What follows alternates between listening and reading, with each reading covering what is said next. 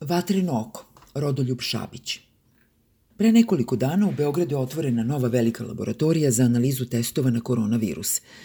Osim zbog nesumljivog značaja nove laboratorije u borbi protiv aktualne pandemije, vest o njenom otvaranju privukla je pažnju i zbog njenog neobičnog imena, Vatreno oko. Ljudi iz vlade uz pomoć kineskih gostiju objasnili su da naziv potiče iz kineske bajke o vatrenim očima mitskog kralja majmuna koje vide sve, koje proziru opasnosti i pretnje koliko god one bile prikrivene i omogućavaju mu da ih pobedi. U Wuhanu, epicentru epidemije COVID-19, laboratorija za testiranje je dobila isto ime i kažu značajno doprinela borbi protiv virusa. Ali ako su građani Srbije saznali poreklo ovog za naše prilike i za medicinsku kuću ekstravagantnog imena, nisu saznali nešto mnogo trivialnije, kolika je njena finansijska vrednost.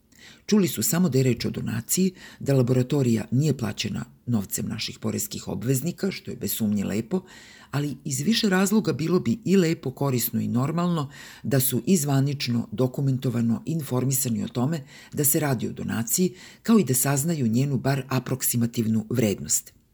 A činjenica da to ne znaju, sama po sebi možda i ne posebno bitna, neminovno podsjeća na mnogo zanimljiviju. Građani ne znaju zapravo ništa, bar nepouzdano, ni o vrednosti drugih donacija dobijenih od stranih država i organizacija ili od preduzeća, preduzetnika građana, kao ni o tome kako se one koriste.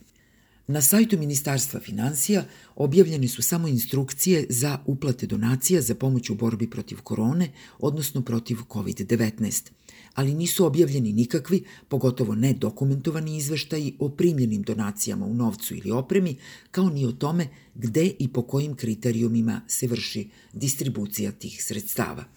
Zašto je tako, neobjašnjivo je utoliko pre što su građani Srbije imali razloga da se nadaju da je problem odavno absolviran na pravi način, još u vreme poplava 2014. godine.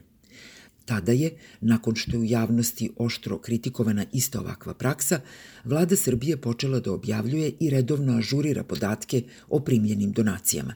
Zabrinjava to što je vlada umeđu vremenu zaboravila tu dobru praksu. A od toga da srpska javnost nema informacije o donacijama, još više brine to što ih nema ni o izdacima izvesno velikih iznosa novca poreskih obveznika za opremu koju naša vlast nabavlja kao neophodnu za borbu protiv COVID-19. I to uprkos tome što postoji zakonom ustanovljen državni portal javnih nabavki na kome bi ti podaci po zakonu morali ažurno i dokumentovano biti dostupni najširoj javnosti.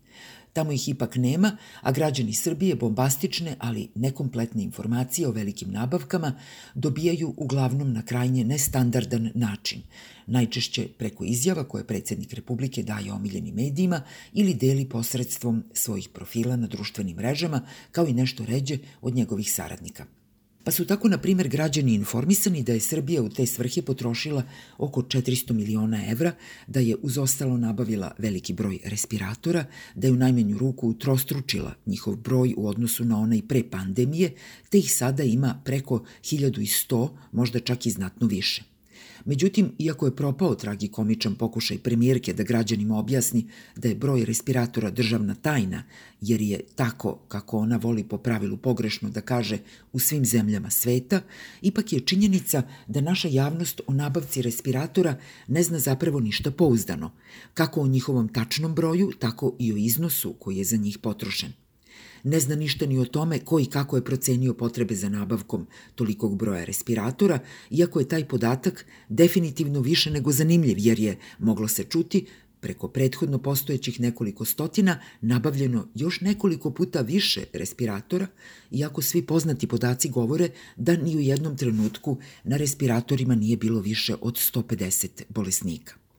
Nikako nije ne bi smelo biti, Zanemarljivo ni to da građani ne znaju ništa ni o nekim najblaže rečeno neobičnim nabavkama koje predstavnici vlasti takođe, mada krajnje neubedljivo, pravdaju razlozima borbe protiv pandemije. Među njima je posebno ilustrativan primer nedavna nabavka 10.000 državnih zastava koje je grad Beograd u ime predsednika Republike podelio nekim građanima da bi oni isticanjem tih zastava izrazili zahvalnost i podršku medicinskim radnicima koji se bore protiv pandemije. Primer je bukvalno neverovatan i otvara mnoštvo umesnih pitanja.